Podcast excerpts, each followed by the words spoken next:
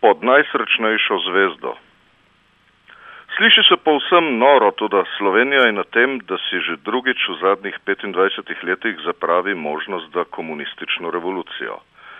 Prvič se je to pripetilo kot precej kratkovidna nebuloza, ki je razprla vse možnosti za nacionalistično in partitokratsko godljo, iz katere se ljudstvo mukoma odmotava šele danes. Zamrzovanje in vračanje partijskih knjižic konec 80-ih let je namreč razkrilo, razkrilo, da prvič komunizma kot takega v teh krajih sploh še nikdar ni bilo, drugič pa je tedanja strahopetna gesta članov in članic Zveze komunistov Slovenije pokazala, da kratko malo niso bili iz pravega testa. Ko je šlo za res, so se bodi si podelali v hlače ali pa smuknili v lagodno življenje sredinskega oziroma socialno-demokratskega kompleksa. Zveza komunistov je tako tisti čas zamudila svojo zgodovinsko priložnost, da se organizira kot enotna fronta in v tedaj že dobro nakazani občanski pluralnosti, kljub vrtoglavi inflaciji in razpadanju federalne skupnosti, v času brbotanja novih družbenih gibanj pokazala nenaden oblastni posluh in naredila nekaj spodbudnih korakov k možnosti za mehčanje razmeri, neposrednejšo demokracijo in dejansko uvedbo delovskega samoupravljanja. A vlak zgodovine je žal drvel v nasprotno smer.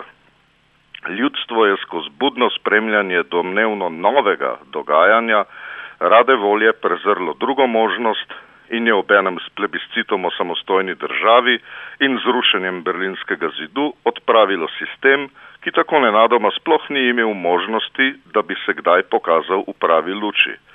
Ne, v komunizmu realistično nismo živeli prav nikdar. Ko je Josip Vidmar nekaj pred smrtjo v začetku 90-ih svojim nekdanjim partijskim tovarišem očital, češ, kako ste mogli biti tako neumni, da ste dali rimsko-katoliški cerkvi toliko prostora, je s tem natanko povzel čas usodnih napak. Brez glavemu odpiranju vrat za religiozne reči dodamo le še zeleno luč za tako imenovane menedžerske prevzeme družbene lastnine, pa smo tam, kjer ni muh. V pomankanju javnega prostora se tako šele danes vidi, kako slepo se je prebivalstvo udinjalo vsemu novemu – In to novo je bilo, ugotavljamo danes, sredi izbruha državljanskih pobud, seveda veliko bolj preživeto kot vsakršna ideja komunizma. Paradoks novega časa je v tem, da edino možnost za vnovičen poskus komunistične revolucije zagovarjajo tisti segmenti družbe, ki bi jim prav oni, ki so v svoji bojazljivosti vračali partijske knjižici in zamrzovali svoj status, radi očitali anarhistične težnje. Današnje množične pobude, komentarji, akcije, manifesti, sestanki, forumi, zgodbe in interpretacije namreč v svojem najboljšem segmentu, to so ustajniške skupščine, poudarjajo prav razredno zavest, ki daje novo zgodovinsko upanje. Ponosen slogan Nihče nas ne predstavlja kaže brati skupaj s parolo, ki je pospremila sindikalističen shod novembra lani. Če ne moremo živeti, ne bomo delali. Oboje povzema natanko tisto nekdaj zamujeno komunistično ambicijo. In ko se posuši partijska veja, se je pač treba organizirati na novo, čeprav 25 let kasneje. Tudi z jacljanjem, s prvimi koraki v politično misel, z vsemi razmisleki, ki upoštevajo novum tega le trenutka, obenem pa gredo celo tako k bistvu problema, da terjajo konstituanto, torej ustavodajno skupščino, ki naj potem, ko prizorišče zapusti vs politični razred, ponudi temelje za življenje pod najsrečnejšo zvezdo. Številni tega ne razumejo, po deželi brbota od uzurpatorjev stajniške ambicije. Posamezniki in posameznice si kar po mili volji in skozi osebna predpolitična mnenja podeljujejo mandate in kolobarijo v starem. Takšne težnje so kajpak nevarne, saj prej ko ne zgolj menjajo maske predstavniške demokracije, nočejo pa korenito poseči v samo tvarino zatohlega in neproduktivnega sistema. Zdaj, ko po vsej Evropi vlada rjava internacionala, zdaj, ko je razkorak med političnim razredom in ljudstvom neverjetno širok in globok, zdaj je priložnost za etabliranje revolucionarnega sektorja.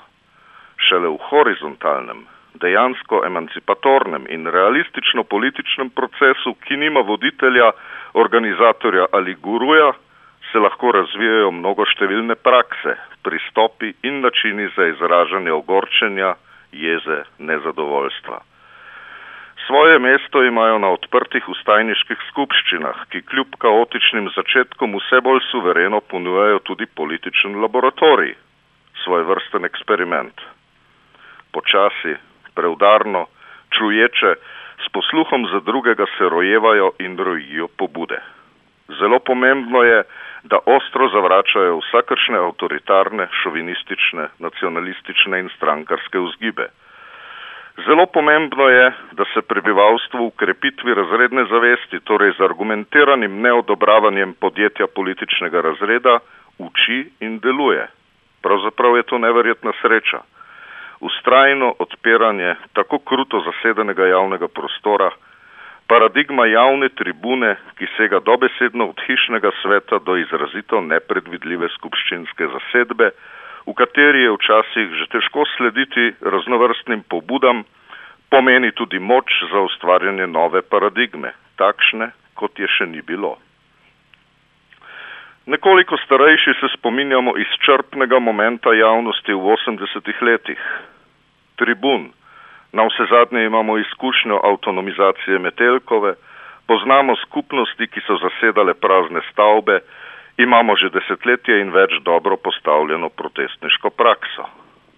Vse to so bili zgodovinski dosežki, iz katerih gre prav v konsistenci črpati nove, še neslutene afinitete. Živimo sredi izjemno produktivnega obdobja, so zapisali predani tovariši tovarišice, ki potrpežljivo, počasi, a z vsem potrebnim gnevom in pogumom sprejemajo nove in nove inicijative, brusijo teoretsko ambicijo, na ulici poskušajo presegati neznosne in umetne barijere med vedno malce rigidno umetniško srenjo in performanso nenapovedanega in presenetljivega. Neulovljivost je moč, upor pa postaja dolžnost, so še zapisali. Ambicija, ki nikakor ni utopična, pač pa dokazuje momentum tukaj zdaj, tke osvežene skupnosti, diši po vsem, kar si lahko želi ponižano, razžaljeno, skrušeno občestvo. In želja revolucionarnega sektorja je v tem procesu natanko tisto, česar nikdar še ni bilo in k čemur gre očitno stremeti. Pravzaprav se dobro še niti začelo ni. Zdravo.